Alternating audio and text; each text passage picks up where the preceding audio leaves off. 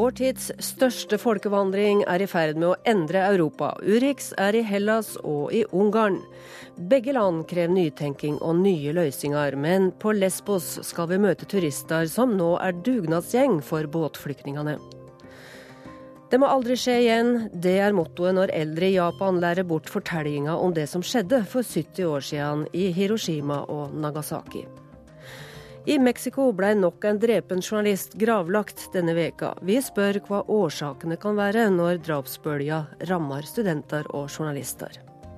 Historia om løva fra Zimbabwe som ble verdenskjent, er tankevekkende på flere måter.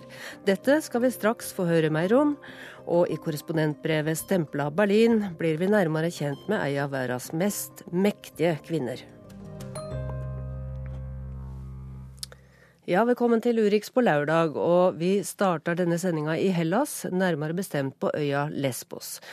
Der er vår korrespondent Kristin Solberg, og hun har i natt vært ute og tatt imot nok ei gruppe båtflyktninger, sammen med en gjeng hjelpere som spontant har gjort om ferie til meningsfylt arbeid.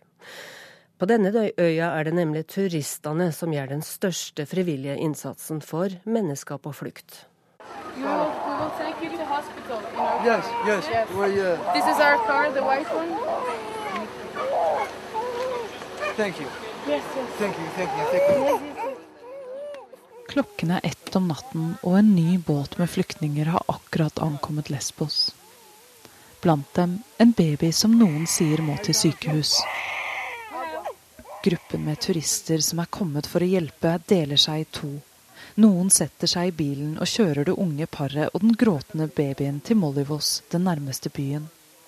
Andre fortsetter det de er kommet for å gjøre, å dele ut soveposer, matter, sandwicher, juice og vann til menneskene som nettopp er gått i land i Europa.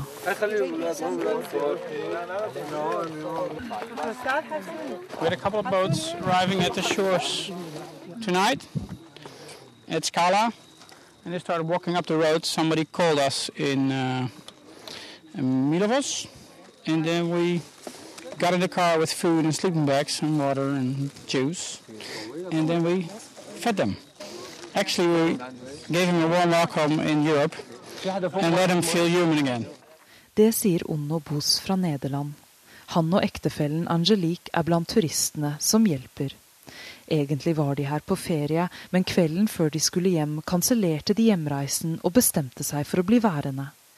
De sendte tenåringsbarna hjem, og i to og en halv uke, en tid da de egentlig skulle ha campet i Frankrike, har de isteden rykket ut for å hjelpe flyktninger hver gang de har fått vite at en ny båt er kommet. For båtene fortsetter å komme, flere titall om dagen. Noen ganger kommer 1000 mennesker om dagen til Lesbos, andre ganger 1500. Hittil i år har 109 000 flyktninger krysset Middelhavet til Hellas, og 60% av dem er kommet hit til Lesbos. FN sier at 85% av dem som kommer, er flyktninger, og at 60% av dem kommer fra Syria, akkurat som menneskene som er kommet hit i natt. De høye tallene overvelder greske myndigheter, som fra før av har nok med en økonomisk krise. De har blitt kritisert for å ikke gjøre nok for å ta imot dem som kommer. Vakuumet som har oppstått, blir forsøkt fylt av turister og lokale som jobber på dugnad. En av nøkkelpersonene i dette arbeidet er gresk-australske Melinda McRosty, som står på kjøkkenet i restauranten Captain's Table i Mollywoss. I over 20 år har hun drevet den populære restauranten i havna her, men i år har hun også organisert det frivillige arbeidet. Turister donerer klær og penger, andre donerer sin tid for å hjelpe flyktningene. So things. Today somebody just gave some shoes. And then other people, today also somebody went and put 350 euros in one of the supermarkets for us. Um, somebody uh, the day before yesterday bought us a fridge for 485 euros. Melinda forteller at det startet i det små fordi hun var involvert i annet frivillig arbeid og hadde klær på lager. Men etter hvert som flyktningstrømmen vokste, vokste arbeidet. I dag gir de sandwicher og vann til 300-400 mennesker om dagen. I tillegg gir de bleier til barna, capser for solen, sovematter, klær og medisiner, og de sørger for at flyktningene kommer seg i busser til Mytilini, den største byen på øya, der de skal registreres med greske myndigheter. Uh, July, 24, people in three, three weeks arrived on this island. 24,000. That's a lot of sandwiches we make. En av dem som jobber frivillig for Melinda og flyktningene, er norske Ida Ørvik. Hun er på Mollivos i en uke. Hun står blant en lang rekke flyktninger en ettermiddag denne uken. Seks båter er akkurat kommet inn, de aller fleste fra Syria.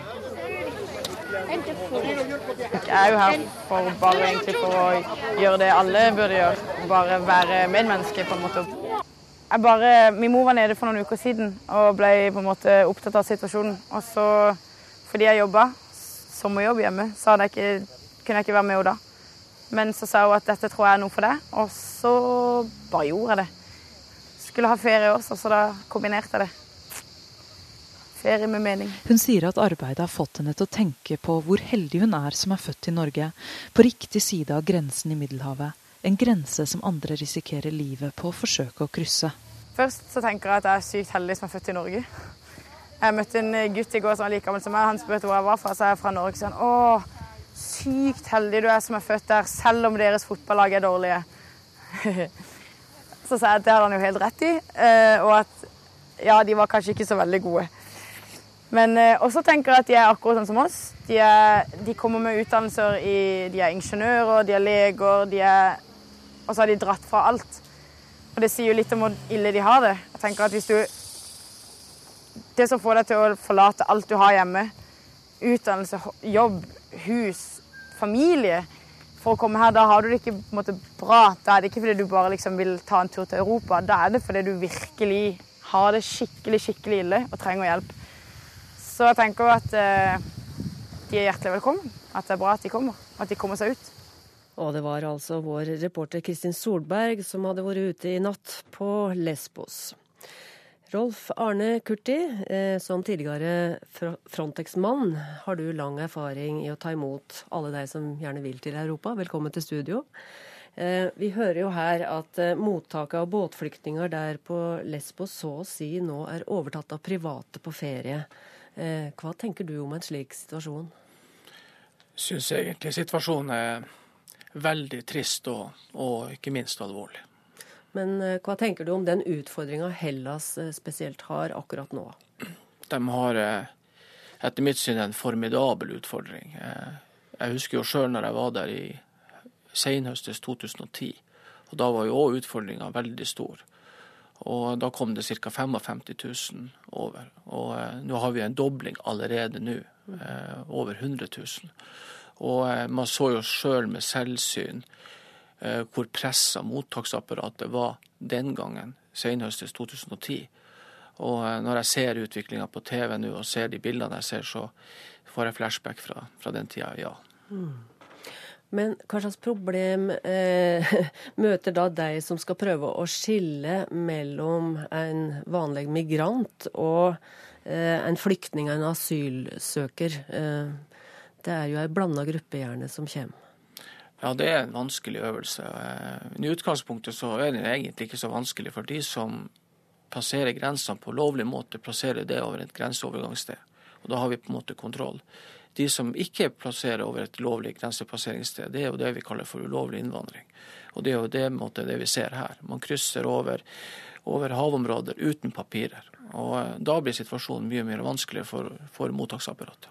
Men samtidig så hører vi jo at 80 eh, eh, FN sier at så mange som 80% kan være krigsflyktninger. Ja, det er en, faktisk en realitet. og Det er jo derfor vi har den store økninga som vi har nå. Det er jo 60% av disse folkene er jo fra, fra, Syria, og vi vet at de kommer fra et land med borgerkrig. Så, så den utviklinga har man egentlig forventa litt når man har sett det som har skjedd i Syria.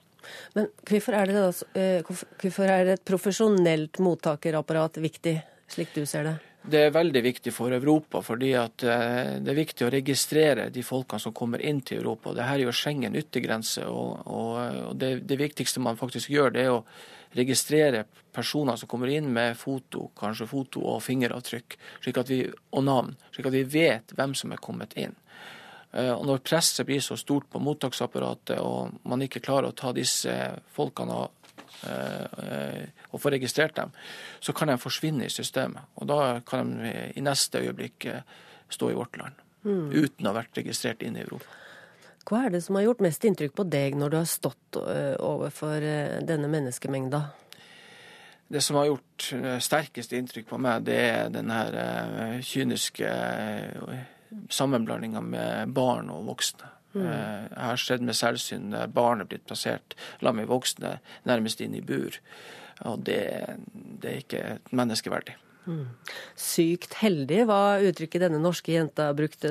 Hun syntes hun var heldig som kunne hjelpe i ferien. Det er kanskje ikke den vanlige holdninga til flyktningstrømmen? Nei, det er nok kanskje ikke det, men eh, jeg skjønner hvordan hun tenker. Ja, det skjønner jeg. Du har sjøl stått der. Mm. vi skal, du skal bli med oss videre i sendinga, og vi skal over til det som har blitt kalla smutthullet inn i Europa. Naturreservatet som ligger helt nord i Serbia, på grensa til Ungarn. Landskapet er en miks av sanddyner, lauvskog, sump og innsjøer, og her kryr det av sjeldne fugler og blomster. Men om natta kryr det av desperate mennesker som prøver å komme seg inn i det rike Europa. Så mange er det nå at Ungarn har begynt å bygge gjerde av galvanisert stål.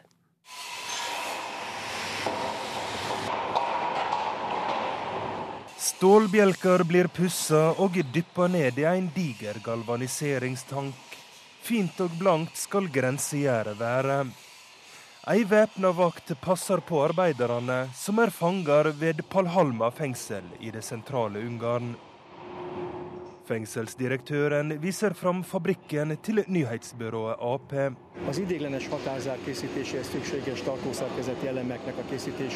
Vi har fått det ærefulle oppdraget med å lage strukturelementer til grensegjerdet. Vi måtte hyre inn flere innsatte enn vanlig, forteller fengselsdirektør Peter Balasj. Little.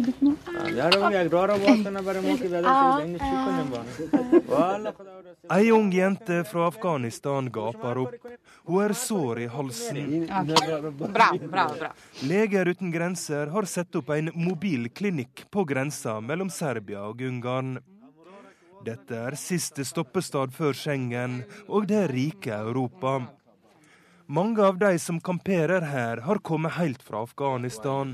Mange har overlevd den farefulle ferda over Middelhavet. Until uh, Jeg ble arrestert på ei gresk øy, forteller afghanske medier. Uh, they sent us to Athena with catch. With catch. De sender meg til Aten i handjern, forteller han til NRK. Medi flykta fra asylmottaket og gikk på beina opp motorveien til den nedlagde fabrikken nord i Serbia. Til og med familier med små barn er observerte på motorveien i Vojvodina. Ei maskin borer de blanke gjerdestolpene ned i jorda i naturreservatet. 900 ungarske soldater er med på å sette opp gjerdet, som de dekorerer med piggtråd. Nå skal det bli slutt på hordene som lurer seg over nattestid. Da NRK besøkte grensa i vår, var det bare sauer å se. Ei jernbanelinje går gjennom naturreservatet. Her krysser det hundrevis av migranter hver natt. Noen blir fanga og sendt tilbake, bare for å prøve seg igjen dagen etter. Det blir sagt at de følger denne toglinja for å holde retninga. Samtidig så vil de bruke krattskogen på hver side her for å holde seg skjult for alle patruljene fra uh, ungarske politiet og også Frontex, EU sin egen uh, grensestyrke. Like etter denne rapporten kom en patrulje fra Frontex, EUs grensestyrke. De holdt meg tilbake en time. De krevde detaljert personinformasjon. Jeg var bare 100 meter fra Serbia, ble jeg fortalt. Jeg hadde kjørt en skogsvei sørover.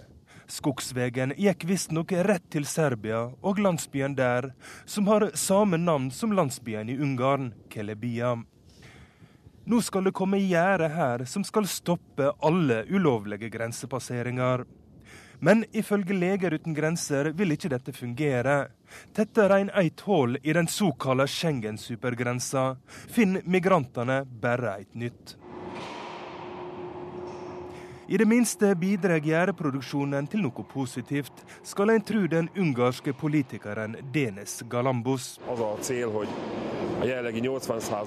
Akkurat nå arbeider 80% av fangene i fengselet i fabrikken. Vi arbeider for at 100% skal delta i arbeidet.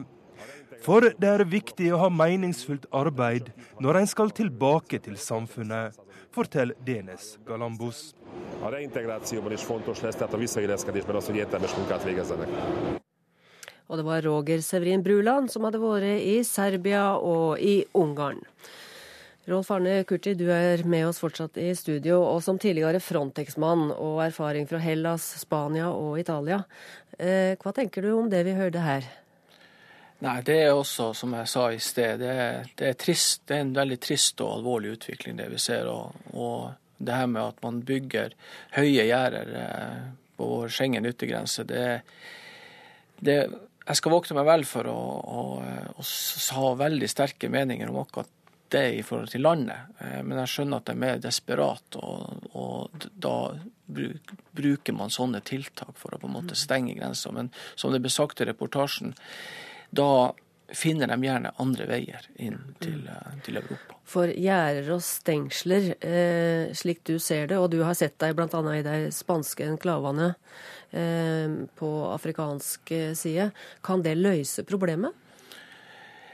Nei, jeg tror ikke det kan løse problemet. Det, det er vel relativt på et kortsiktig eh, løsning der og da. Men man kan kanskje skjønne de som jobber i det her hver dag. Og jeg har jo sett og snakka med spanske kolleger, og, og, det er ikke noe hyggelig. Eh, de har, har dette på seg hele dagen. og og det er nesten sånn at det slår også inn en sånn redselsfaktor for de som faktisk jobber opp mot uh, Schengen yttergrense, som har det presset på seg. Så man kan på en måte skjønne det menneskelige perspektivet, og da er det greit å skjule seg bak et, et uh, høyt gjerde og på en måte kontrollere strømmen inn der det er, er, er lovlig måte å krysse grensa på. Så det kan man på en måte skjønne. men men det er nok ikke en, det ikke en fremtidig løsning. Da må man jo bygge gjerder over hele Schengen yttergrense, og det, det, blir et langt gjerde. Men vi ser jo et Europa i endring nå, og, og, du har arbeidet med dette problemet i mange år. Hvor stor vil du si at endringa er? Jeg syns egentlig den er formidabel, og den har vært formidabel i, gjennom, gjennom, sommeren. Jeg hadde ikke kunnet tenkt meg sjøl at tallene skulle bli så store som de er nå. Og eh, når man ser det som foregår gjennom den sentrale middelhavsruta fra Libya over til Italia, så har jo over nesten snart 90 000 kryssa den grensa. Og så har du det som skjer i Hellas, eh, hvor over 100 000 har kryssa. Og vi snakker om 2015. Det er store tall. Vi er snart oppe i 200 000, og godt over 200 000. Så det er, det er, en, det er en trist og en alvorlig utvikling og som altså er i ferd med å øke. Takk for at du var med oss i studio, Rolf Arne Kurti.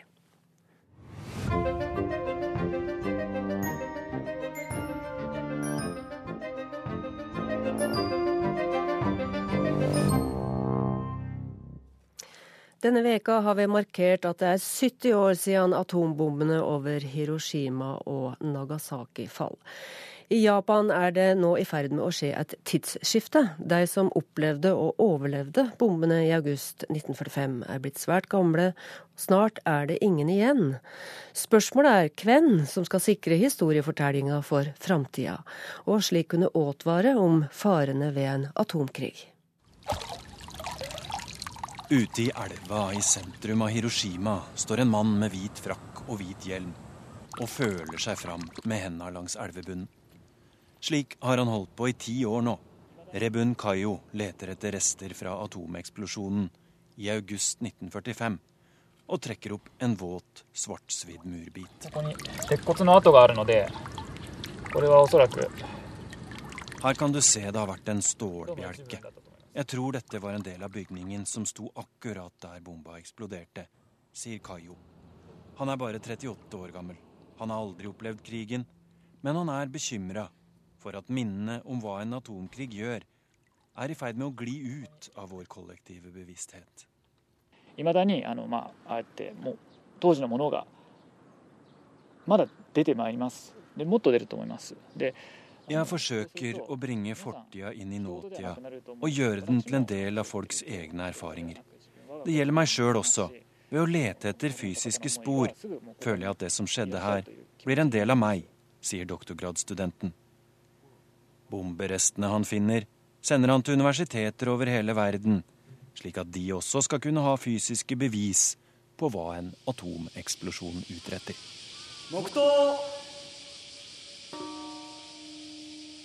Bombene som ble sluppet over Hiroshima og Nagasaki 6. og 9. august i 1945, er fortsatt eneste gang atomvåpen er brukt i krig. Og når 70-årsdagene markeres denne uka, er det med noen etter hvert svært aldrende tidsvitner til stede. Behovet for noen som kan fortelle om det som skjedde, er fortsatt sterkt. Og det forsøker japanere nå å finne løsninger på for framtida. 人間が作ったね核爆弾あそういったものがですね、えーいかにね人間の同じ人間の上からですね落とされた時に som en som overlevde, og som har sett hva atombomber gjør med mennesker, har jeg et sterkt behov for å si at dette var galt, og at det aldri må skje igjen, sier Shigeyuki Katsura, som er 84 år gammel, og som overlevde bombingen av Nagasaki. Den gamle mannen er nå blitt lærer ved det som kalles Hiroshima-programmet. 時代だったんですか第8車なんですけれども、ら、であの軍需品をあの作って I en forstad utenfor Tokyo møtes 20 studenter for å høre øyenvitneskildringer, og for etter hvert å kunne uteksamineres som en ny generasjon historiefortellere. Kursene startet i Hiroshima for tre år siden. Noen av kursdeltakerne får etter hvert også jobb som såkalte fredsguider. Miki Shimizu mener det bør være mulig å bringe de overlevendes historie videre uten selv å ha erfart dem.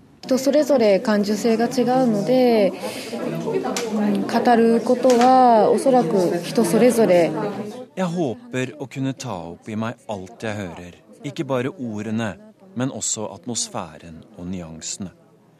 Målet må være å kunne gjengi hans opplevelser og følelser så nært opp til virkeligheten som mulig sier Mike Shimizu om timene med sin 84 år gamle lærer. えー近い形でその思いを言葉に乗せて伝えられるようにということをしていきたいなというふうに考えております。普通の状態だったんです Kursholderne håper denne ideen med tida skal spre seg videre til resten av Japan. 人類がいる限り、えーしかも人類がもう核兵器の作り方を知っている限り så lenge det fins mennesker, og det fins kunnskap til å lage kjernefysiske våpen, må vi fortsette å fortelle våre historier til våre etterfølgere, sier Terumi Taraka. Han leder Foreningen for de som overlevde atombombene i august 1945.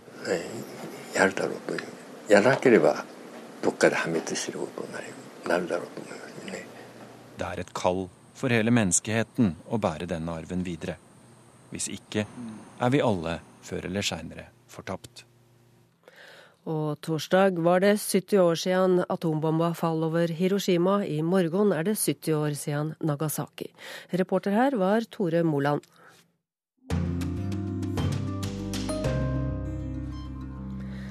Vi har så langt i denne sendinga hørt om dugnadsånd i Hellas. Landet kan umulig klare seg uten hjelp med flyktningtilstrømminga. EU og Europa må tenke nytt rundt vår tids store folkevandring. Dette er Urix på lørdag, og vi skal straks til Mexico, der drapsbølga er i ferd med å endre landet. Vi skal ha med oss løva Cecil og en dyrepark i gresk krise, samt si farvel til en amerikansk komikerkonge. Følg med oss videre. For brevet signert vår Berlin-korrespondent Guri Nordstrøm er det også grunn til å glede seg til. Dette er Urix på lørdag med Sigrun Slapgard her i studio. Nok en journalist er drepen i Mexico. Denne veka ble den meksikanske journalisten Ruben Espinosa ført til grava. Han ble torturert og skutt etter først å ha fått trusler. Arnt Stefansen rapporterer. Ruben Espinosas søstre gråter ved sin brors grav. Den unge fotojournalisten blir stedt til hvile på Dolores-kirkegården i Mexico City etter at han ble funnet drept i den meksikanske hovedstaden i forrige uke. Ruben gikk i første rekke i krigen for sannheten, sier hans søster Alma Espinosa. Vår familie er svært stolt av ham. For oss vil han alltid være levende, og jeg håper det samme gjelder dere som er journalister og vet hvilken vanskelig og farlig jobb han hadde. Alt han kunne, hadde han lært seg selv, og jeg håper han vil være et forbilde for dere, sier den drepte journalistens søster.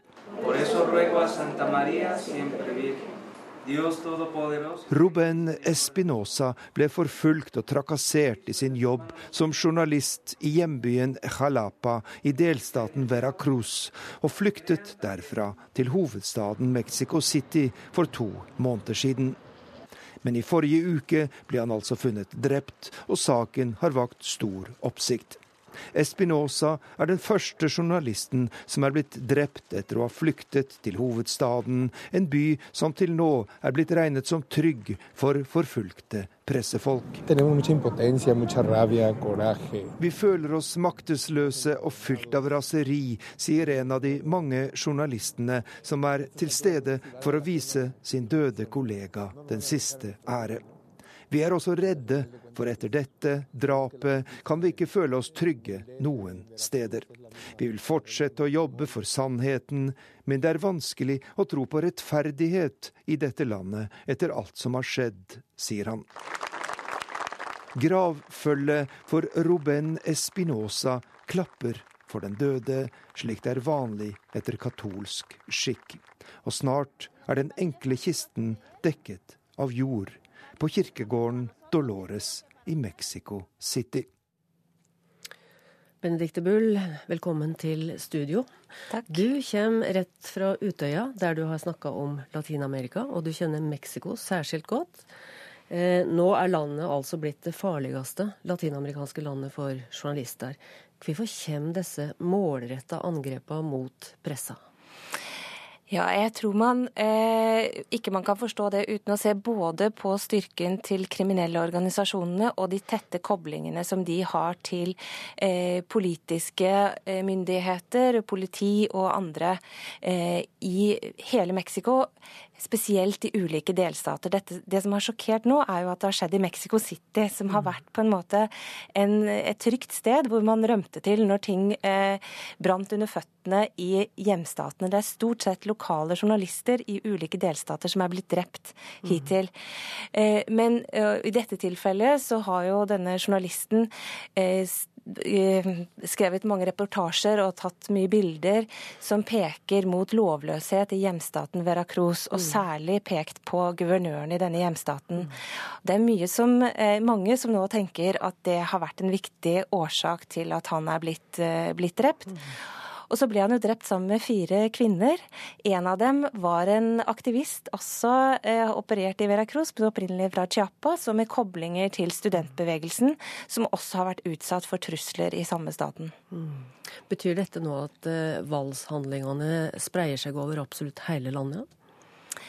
Ja, eh, voldshandlingene har jo vært veldig sånn lokalisert, og de har mm. på en måte spredt seg, men det, de går fra sted til sted ut ifra hvor det er vanskelige situasjoner. Veracruz var også i på en måte søkelyset for noen år siden da borgervernsgrupper oppsto der eh, mot eh, narkokarteller, mens mange, mange sa at disse borgervernsgruppene var også støttet av folk på politisk nivå. Så man vet på en måte aldri, eh, aldri hvem som står bak. Men det er klart at det at at ikke Mexico altså Det er jo litt annerledes i Mexico, for i andre deler av Latin-Amerika så er byene de mest voldelige. I Mexico så har på en måte Mexico City vært et sånn, eh, litt sånn annerledes sted enn resten av landet. Og hvis det også endrer seg, da, da endrer bildet seg ganske dramatisk. Dette handla jo om eh, journalister, mediefolk som hadde søkt tilflukt i, i byen? Ja, de mm. hadde mm. søkt tilflukt, og det er også ganske vanlig. Mm. Eh, Ruben Espinosa skrev jo også for eh, ukemagasinet Proceso, som er veldig anerkjent, og det som er, kanskje går lengst i å grundig etterforske saker, men også komme med mange kontroversielle beskyldninger. Så det er nok også en grunn en av grunnene til at dette drapet har kanskje sjokkert ekstra i Mexico. Mm. Det er jo en forferdelig statistikk over flere år. Og det er også slik at nesten alle sakene med ulike journalistdrap forblir ustraffa. Eh, hva tenker du at det sier om styresmaktene? Det sier jo veldig mye om at det eksisterer det noen kaller en sånn eh, straffefrihetspakt. Eh, når, eh, når, saker involverer eh, grupper som man helst ikke vil at det skal avsløres noe om. Eh, nå gjelder det jo ikke bare journalistdrap. Eh, at det ikke blir oppklart. Man har en veldig høy eh, prosentandel, altså et tall som 97% av alle drap blir ikke oppklart. Men, men, det sier jo veldig mye om at man Det er jo ikke bare kapasiteten det går på dette her, dette er viljen til å, å, oppklare kontroversielle saker. Og Det gjelder jo også store saker som det, saken med de 43 studentene som ble bortført. og så, ja, Nå er det vel ganske klart at de ble drept i fjor. Mm. Eh, hvor man heller ikke eh, har noe tillit til de svarene som myndigheter kommer med, fordi det er så mange løse tråder, og, og fordi at man er så vant til at myndighetene fordekker saker mer enn oppklarer. Og det, det, lukter også ikke helt godt, eh, denne omtalte flukta av eh, en kartellsjef fra et fengsel. Nei. Eh, Chapo Guzman, som er på en måte mest eh, myteomspunne eh, narkobaronen i Mexico, ble jo tatt i fjor etter å ha vært på frifot siden han rømte sist gang i 2001. Og så rømte han da 11.07 fra et høysikkerhetsfengsel. Og det skal jo ikke kunne skje, med mindre man har eh, gode støttespillere både blant fengselsbetjenter og sannsynligvis utenfor. Det ble, var akkurat en meningsmåling i går som viste at en veldig liten andel av meksikanerne tror at han har kommet seg ut uten støttespillere i, høyt oppe i, i myndighetsapparat. Og det er jo også historier nå om at muligens hele hans eh, altså Måten myndighetene har fremstilt han, det at de tok han på, er blitt satt under tvil. Og man tenker dette var kanskje en overenskomst som Chapo Guzman nå ikke er eh, særlig fornøyd med, fordi andre ting har utviklet seg, andre karteller er blitt sterkere enn det han har styrt fra innenfra fengselet, etc. Mm. Og nå var han ikke særlig fornøyd med det, og har fått hjelp av andre. Det er mange, det er mange historier, men det som er kanskje fellesnevneren her, er at folk har mistet fullstendig tillit til myndighetenes vilje og evne til å, å rydde opp. Og, og da på en måte er veldig mye av legitimitetsgrunnlaget borte. Et anarki altså i Mexico. Takk til deg, Benedicte Bull. Vi kommer til helt sikkert å høre mer fra og om Mexico i tida som kommer framover. Takk for at du kom.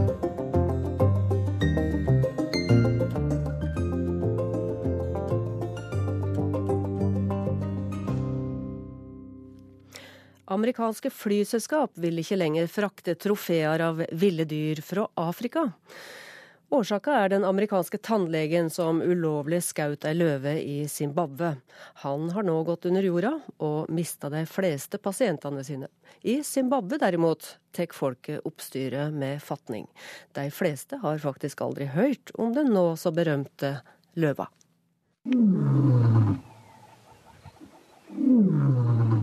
Dette er Cecil, løven fra Vange nasjonalpark i Zimbabwe en gang før juli i år. Den verdensberømte Cecil som zimbabwere flest aldri har hørt om. En gammel løve med stor manke, kjent for viltvokterne i parken og for forskerne som hadde satt en GPS-sender på ham, og for turistene som fikk gode bilder. Amerikanske aviser beskrev Cecil som tam og folkekjær. Zimbabwere vet bedre. Løver lever av å drepe. De er ikke lekne, de har intet mildt blikk. Når zimbabwere likevel raser over denne løvejakten, var det fordi den var ulovlig, utført av en rik, hvit amerikaner. Han lurte løven ut av nasjonalparken med åte og skjøt ham med armbrøst. Så fulgte han etter det skadde dyret i to dager før han skjøt Cecil. Alt var feil. Miljøvernministeren vil ha tannlege Palmer utlevert og rettsforfulgt. Til nå har de siktet de to zimbabwerne som organiserte jakten. De er tiltalt for ikke å ha grepet inn mot en forbrytelse, som det heter i tiltalen. Hva tannlege Palmers medhjelpere ikke fikk med seg, var at GPS-senderen var på. Viltvokterne kunne derfor spore Cecil der han forlot nasjonalparken og fortsatte langs hovedveien i rasende fart. Hm. De dro etter i en landrover og fant det drepte dyret og de to medhjelperne. Tannlegen var forsvunnet og vel tilbake i USA. Der ventet hans pasienter utenfor kontoret med slagord som morder og terrorist. Han hadde brukt deres penger til dette løvedrapet. En skikkelig drittsekk. Løvejakt er ingen forbrytelse i Zimbabwe, men du må ha tillatelse. Godkjente reisebyråer organiserer jakten. Troféjegeren må ha med en lokalkjent jeger som har lisens til å felle de store løver og elefanter. Dyret skal felles i en kommune som har for mange villdyr, i henhold til reguleringen. Det koster innpå en halv million, og en tredel av beløpet går til kommunen, en tredel til forvaltningen av nasjonalparkene, mens den siste tredelen går til reisebyrået. Når en elefant felles, er det lokalbefolkningen som får elefantkjøttet, f.eks. Jegeren skal bare ha med seg støttennene. Mange klasseværelser er reist fra inntektene fra den eksotiske viltjakten som legger en løve i bakken. Men i USA er alt dette annerledes. Der har Disney fortalt dem at løver er mennesker de snakker. Like og de synger. CNN ba den kjente zimbabwiske redaktøren Trevor Nchobe om en kommentar. Det fikk de ikke. Jeg har intet å si om løven Cecil, men jeg kan si mye om Zimbabwes skakkjørte økonomi, sa Nchobe. Han visste heller ikke hvor Cecil nå var, i en fryseboks eller på veggen i stua til tannlegen. Jeg er mer interessert i hvor det er blitt av Ital Dzamara, en aktivist som forsvant for 160 dager siden, sa han, og hvordan vi kan hjelpe tiggere og gateselgere. Men ingen gråter over dem, bare over den stakkars uskyldige løven. Rest in peace. Tom Christiansen rapporterte. Det skal bli litt mer omsorg for dyr likevel her hos oss. For denne veka åpna børsen i Aten for første gang på fem veker, og da med blodraude tall som resultat. Verst gikk det utover aksjene i de fire største bankene, som falt med hele 30% bare den første dagen. Og slik blir det vanskeligere også på restriksjoner på pengeoverføringer fra utlandet, og det går utover dyr så vel som folk, rapporterer Stig Arild Pettersen fra en zoologisk hage utenfor Aten. You know, I believe we are one of the good zoos, one of the very good zoos, in fact. Uh, you know, we, we do our best to keep. Jean-Jacques Leseur er tydelig stolt der han kjører golfbilen rundt på de brosteinslagte stiene i Attica zoologiske hage, som han selv grunnla for åtte år siden. So here, you know, nice Den blide franskmannen er opptatt av at dyrene skal være lykkelige, og da må de kunne spise godt. What, what do you feed the lions? Well, we, well, we feed the meat. Eh? We use a lot of, uh, of chicken, whole chicken. Og kylling er det nok av, selv i et kriserammet Hellas så løver og leoparder kan fortsette å sløve i solen med visshet om at det alltid kommer et neste måltid. Andre dyr er det derimot verre for. En vakker flokk flamengoer balanserer majestetisk på ett bein i den lille dammen rett innenfor hovedinngangen. De får spesialfôr importert fra Storbritannia og Frankrike, forteller Jean-Jacques. Uh, it's a special food, which is a mixture of know exactly is, you know, but basically it uh, reproduces the nutritional needs from the wild. We have complete diet for anteaters, and we have complete diet for flamingos. Flere av dyrene, som maurslukere, apekatter og eksotiske fugler, er helt avhengige av denne typen spesialdietter. Men nylig sa det stopp. For å hindre kapitalflukt til utlandet har den greske staten nemlig innført strenge begrensninger på pengeoverføringer til utlandet. Slik havnet dyrehagen i klammeri med selskapene som selger dem spesialdietten. I've got capital controls. I cannot pay you because uh, the procedure is not in place yet for, for payment abroad. And you know, it's like you're putting a, you know, the knife under my throat and you are threatening the life of my animals. For som om ikke et kraftig fall i besøkstallene var nok. Ooh, we've got a drop in visit numbers. Yeah, just like this, wham, right in the face. Så må Jean-Jacques nå trygle sine zoologiske kollegaer i andre europeiske land om å betale regningene hans på krita, slik at dyrene får den maten de trenger. I'll call my colleague in, uh, in Amsterdam. I said, look, you know, do me a favor, pay this invoice, and you know, I'll find a way within the next month or two, you know, to pay you back. Men dette er ingen holdbar situasjon. You know, why should I ask, you know, beg my colleagues to help me? You know, why?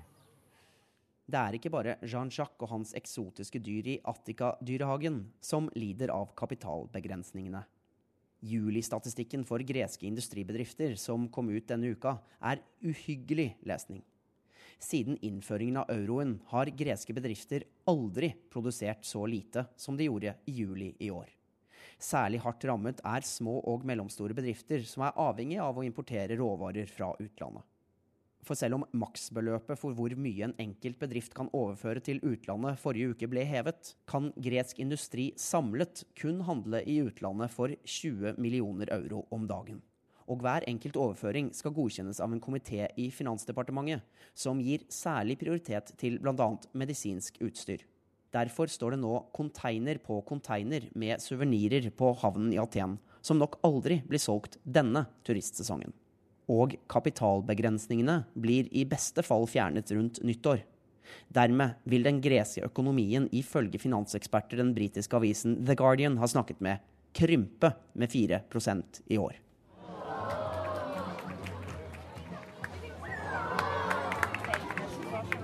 De seks delfinene i Attica Zoo aner lite om krisen som omgir dem.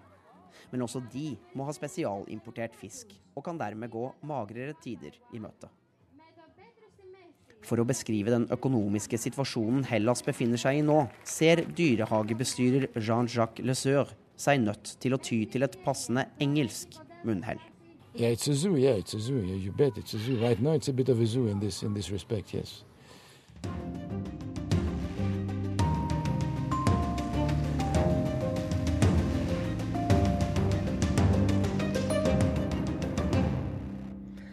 Natt til i går takka han for seg for aller siste gang i The Daily Show på amerikansk TV. Humoristen John Stewart har blitt kjent som USAs mest hardtslående talkshow-vert, med stor påvirkning på folkeopinionen. Nå slutter han altså, etter 16 år i programleierstolen. Reporter her er Gry Blekkastad Almås. Got, I got news. This is it. This is the final episode. Slik introduserte han sitt aller siste Daily Show på Comedy Central. I 16 år har John Stewart harselert med amerikanske nyhetsmedier og politikere. Donald Trump just announced he's running for president. All hands on deck! All hands on deck! Så også i avslutningsshowet, som ble sendt samme kveld som de republikanske presidentkandidatene hadde sin aller første debatt. Uh, of tonight's really interesting debate? Oh man, John, Yeah? I thought Uh-huh. Jeb did well. Uh huh. Walker also solid. Uh huh. And I can't believe Trump took out his penis. De politiske kommentatorene i Daily Show parodierer kollegene i nyhetskanalene.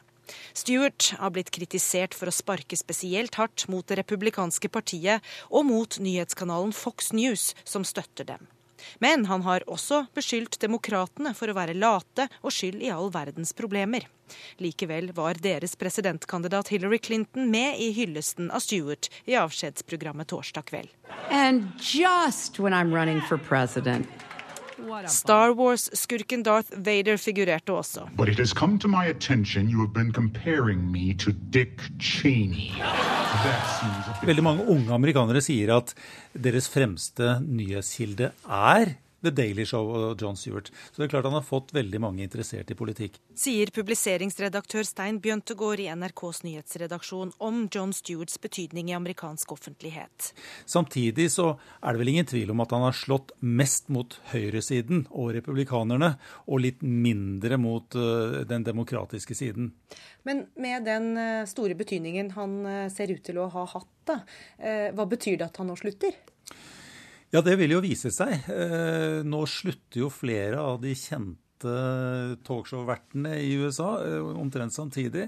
Så det kommer en ny generasjon inn. Så det kan jo tenkes at det kommer litt nytenkende og helt andre innfallsvinkler. Så det kan jo være bra, men på kort sikt så tror jeg han kommer til å bli savnet. Do you wanna leave the show, man? Thanks, John. Let me just say, I am so happy you're going to have some well-deserved time off. God, you didn't have to bring me a cake. That's Under lovely. John Stewart har The Daily Show produsert en rekke kjente komikere. Blant dem Steve Carell, John Hodgman og Trevor Noah. Sistnevnte overtar programlederjobben i september. Don't know where you're going now, but you know you Du vet ikke hvor du skal, men du vet du ikke kommer tilbake. Slik hyllet Bruce Springsteen and The E Street Band John Stewart denne uka. Hovedpersonen selv valgte å snakke ned sin egen betydning. Verden er beviselig verre i dag enn den var da jeg begynte. Er det min skyld? spurte han. Så var det takk for seg. That's our show. I thank you so much uh, for the privilege of being able to do it. And so here it is. My moment is end.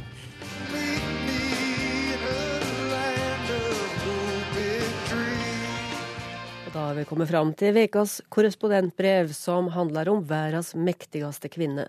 Postlagt av korrespondent Guri Nordstrøm fra den økonomiske motoren i Europa. Hører du hva jeg sier? Vi har god tid. Jeg venter med å svare til jeg vet at du kan høre meg. Stemmen er myk, tålmodig, trygg. Og den tilhører hun som for femte år på rad er kåret til verdens mektigste kvinne, Angela Merkel. Jeg er på pressekonferanse under G7-møtet i Bayern. Vertine Merkel har akkurat redegjort for hva noen av verdens mektigste ledere har kommet frem til etter å ha diskutert i et hermetisk lukket slott i to dager. Vi er noen hundre pressefolk stuet sammen. Journalistene fra de største mediene har fått stilt sine spørsmål først, gjerne med stor pondus og en lang, selvsikker innledning om seg selv, før de kommer til poenget. Og så er det altså hennes tur. En ung, kvinnelig kinesisk journalist som sitter rett foran meg, og som er så nervøs at hun må begynne på nytt noen ganger før hun klarer å stotre frem spørsmålet sitt. Frø Merkel, sier hun. Dere har eh, ambisiøse mål eh, når det gjelder klimaet. Eh, hvordan skal dere få Kina med på dette? Hun puster lettet ut. Men idet hun skal sette seg ned, mister hun oversettelsesapparatet i all forfjamselsen. Hun plukker det opp, forsøker med skjelvende fingre å skifte kanal, slik at hun kan høre Merkels svar bli oversatt til engelsk. Men hun får det ikke til. Merkel begynner å svare, så stanser hun raskt opp, ser på den kinesiske journalisten, venter litt. Går det fint nå? spør Merkel rolig. Jeg ser at du strever litt. Jeg venter til jeg vet at du kan høre meg. Jeg får frysninger på ryggen. Jeg har jobbet som journalist siden jeg var 16 år gammel. Vært på utallige pressekonferanser med høy og lav. Men dette, dette har jeg aldri opplevd før. At den som holder pressekonferansen, faktisk ser mennesket i mengden. Og så skjer det her, med verdens mektigste kvinne. Flere politiske analytikere har trukket frem at Merkels milde natur og vesen gjør et sterkt Tyskland mindre skremmende i et Europa hvor sårene etter krigen ikke er grodd. Mange grekere og Hellas-sympatisører vil selvsagt protestere her, og heller trekke frem den hjerterå, iskalde og beregnende siden. Men akkurat her og nå, på G7-møtet, er det hun som ser mennesket i mengden, jeg møter. Jeg flyr tilbake til Berlin, og i taxien hjem forteller jeg sjåføren oppglødd om hendelsen. Hm, jawohl, sier han. Hun kalles jo Moti her i Tyskland, fordi mange ser på henne som omsorgsfull, en som ordner opp, akkurat som en mor ville ha gjort. Men eh, for å være ærlig, jeg er ikke så begeistret. Hva er det hun egentlig står for? Hvilken sak er det hun kjemper for? Hun glir jo bare unna vanskelige spørsmål som en ål. Han viser bl.a. til saken der tysk etterretning skal ha hjulpet amerikanerne med å spionere på franske politikere. Og hva sa Merkel til det? Jo da, at dette skulle de se på. Og så bare borte. Ingen flere spørsmål. Ferdig. Taxisjåføren himler med øynene og mener at hun i sine ti år som forbundskansler bare har kjørt sikksakk mellom vanskelige saker uten en større visjon. Han er ikke alene om den kritikken. Det har kommet et nytt slanguttrykk her i Tyskland nå, laget av etternavnet til forbundskansleren, nemlig verbet og Merkel. Det betyr at du verken er i stand til å ta en avgjørelse eller å si hva du mener. At du bare rett og slett henger rundt uten å gjøre noe som helst. Den innvendingen var det mange som hang kritikken sin på nå i sommer, da Merkel under en av sine såkalte byrgerdialoger, hvor hun møter folket, traff en ung palestinsk asylsøker. På perfekt tysk fortalte den 14 år gamle jenta at hun og familien skulle kastes ut etter å ha vært fire år i Tyskland. Merkel svarte at det må være strenge regler fordi man ikke kan ta imot alle. Da jenta begynte å gråte, gikk Merkel bort til henne, strøk henne over kinnet og forsøkte å trøste. Debatten lot ikke vente på seg. Dama er iskald, raste noen. Prisverdig at hun i en slik situasjon klarer å fortelle hvordan ting er, istedenfor å gi falske forhåpninger, sa andre. For oppsummert er Merkel enormt populær. Ifølge Syddeutsche Zeitung har hun 67% oppslutning nå. Ikke verst for en som har sittet ved makten i tre perioder allerede, og som i begynnelsen av neste år vil fortelle om hun også stiller til valg i 2017.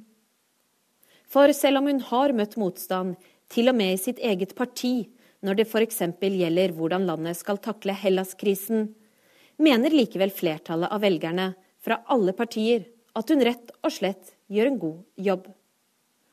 Som min ellers så samfunnskritiske kamerat her i Berlin sier, jeg kunne aldri ha stemt på Kristendemokratene, men Merkel har jeg ingenting imot. Hun er på en måte hevet over partipolitikken. Rett før sommerferien er jeg på Merkels kontor. Sammen med rundt 20 andre korrespondenter har jeg fått audiens. Merkel er riktignok ikke til stede. Hun flyr sikksakk i møter om Hellas og Ukraina. Men vi skal altså få se hvor den myteomspunne kvinnen tar sine avgjørelser. Og det er ikke grenser for hva vi vil vite om damen som nesten aldri snakker om seg selv. Vi går rundt som en fnisende åttende klasse. Hva spiser hun? spør en russisk kollega. Og hvordan sjekker dere at maten ikke inneholder gift? fortsetter hun. Guiden forklarer etter beste evne. Hvordan kommer hun seg hit? vil en annen korrespondent vite. I en Audi svarer guiden. Men mannen hennes må ofte gå, eller, herr Sauer? Han har jeg møtt på supermarkedet en gang, sier en tredje korrespondent. Ja da, selv Merkel er av og til på supermarkedet, svarer guiden. Ok, så dere sjekker maten, men hvordan sjekker dere kokken, at dere kan stole på ham? Den russiske korrespondenten er fortsatt på matsporet. Guiden blir oppgitt, men spørsmålene fortsetter. Sjekker dere kokken hver dag? Han har vel noen medarbeidere også, sjekker dere dem? I så fall hvordan? Hun gir seg ikke. En korrespondent fra Midtøsten forsøker å komme guiden til unnsetning og sier spøkefullt. Kanskje du kan finne svar på resten av spørsmålene dine i Wikipedia eller noe sånt? Kvinnen som blir kalt en stille strateg, bor ikke langt unna meg her i bydelen Mitte i Berlin. Det eneste som avslører at det bor en litt spesiell person i den ellers anonyme bygningen ved elvas spre, er at det alltid er en politibil utenfor, samt to politifolk som holder vakt. Der bor hun altså med sin andre ektemann. De er barnløse og liker visst å gå i filharmonien sammen, men ber aldri om spesialbehandling. Med doktorgrad i kvantefysikk har hun blitt berømmet for å ha en svært vitenskapelig og analytisk tilnærming til politikken. Hun lar seg ikke rive med av følelser, men blir beskrevet som flittig, tålmodig og grundig. Under oppveksten i Øst-Tyskland vant hun flere priser for sin gode russisk, men når hun møter Putin, er det likevel med tolk. De aller nærmeste sier at hun er en spøkefugl og en kløpper til å imitere andre men offentlig er det kun den seriøse siden som vises. Som under pressekonferansen på G7-møtet, der den nervøse kinesiske journalisten endelig har fått oversettelsesapparatet til å fungere. Merkel redegjør for hvordan G7-landene skal få med seg Kina på de ambisiøse klimamålene. Så ser hun den unge journalisten inn i øynene og sier det hun ikke har sagt til noen av de mer erfarne, selverklærte journaliststjernene. Du, det var et veldig godt og relevant spørsmål. Takk. Og dette var Urix på lørdag. Vår hovedsak var vår tids folkevandring og flyktningstraumen som nå kommer til Hellas. Landet ber om hjelp, og FN har slått alarm. Denne sendinga kan du også høre på nett og i kortversjon i ettermiddag 16.40 på P2. Vi som fikk sendinga på lufta, var Erik Sandbråten og produsent Ingvild Ryssdal. Her i studio Sigrun Slapgard.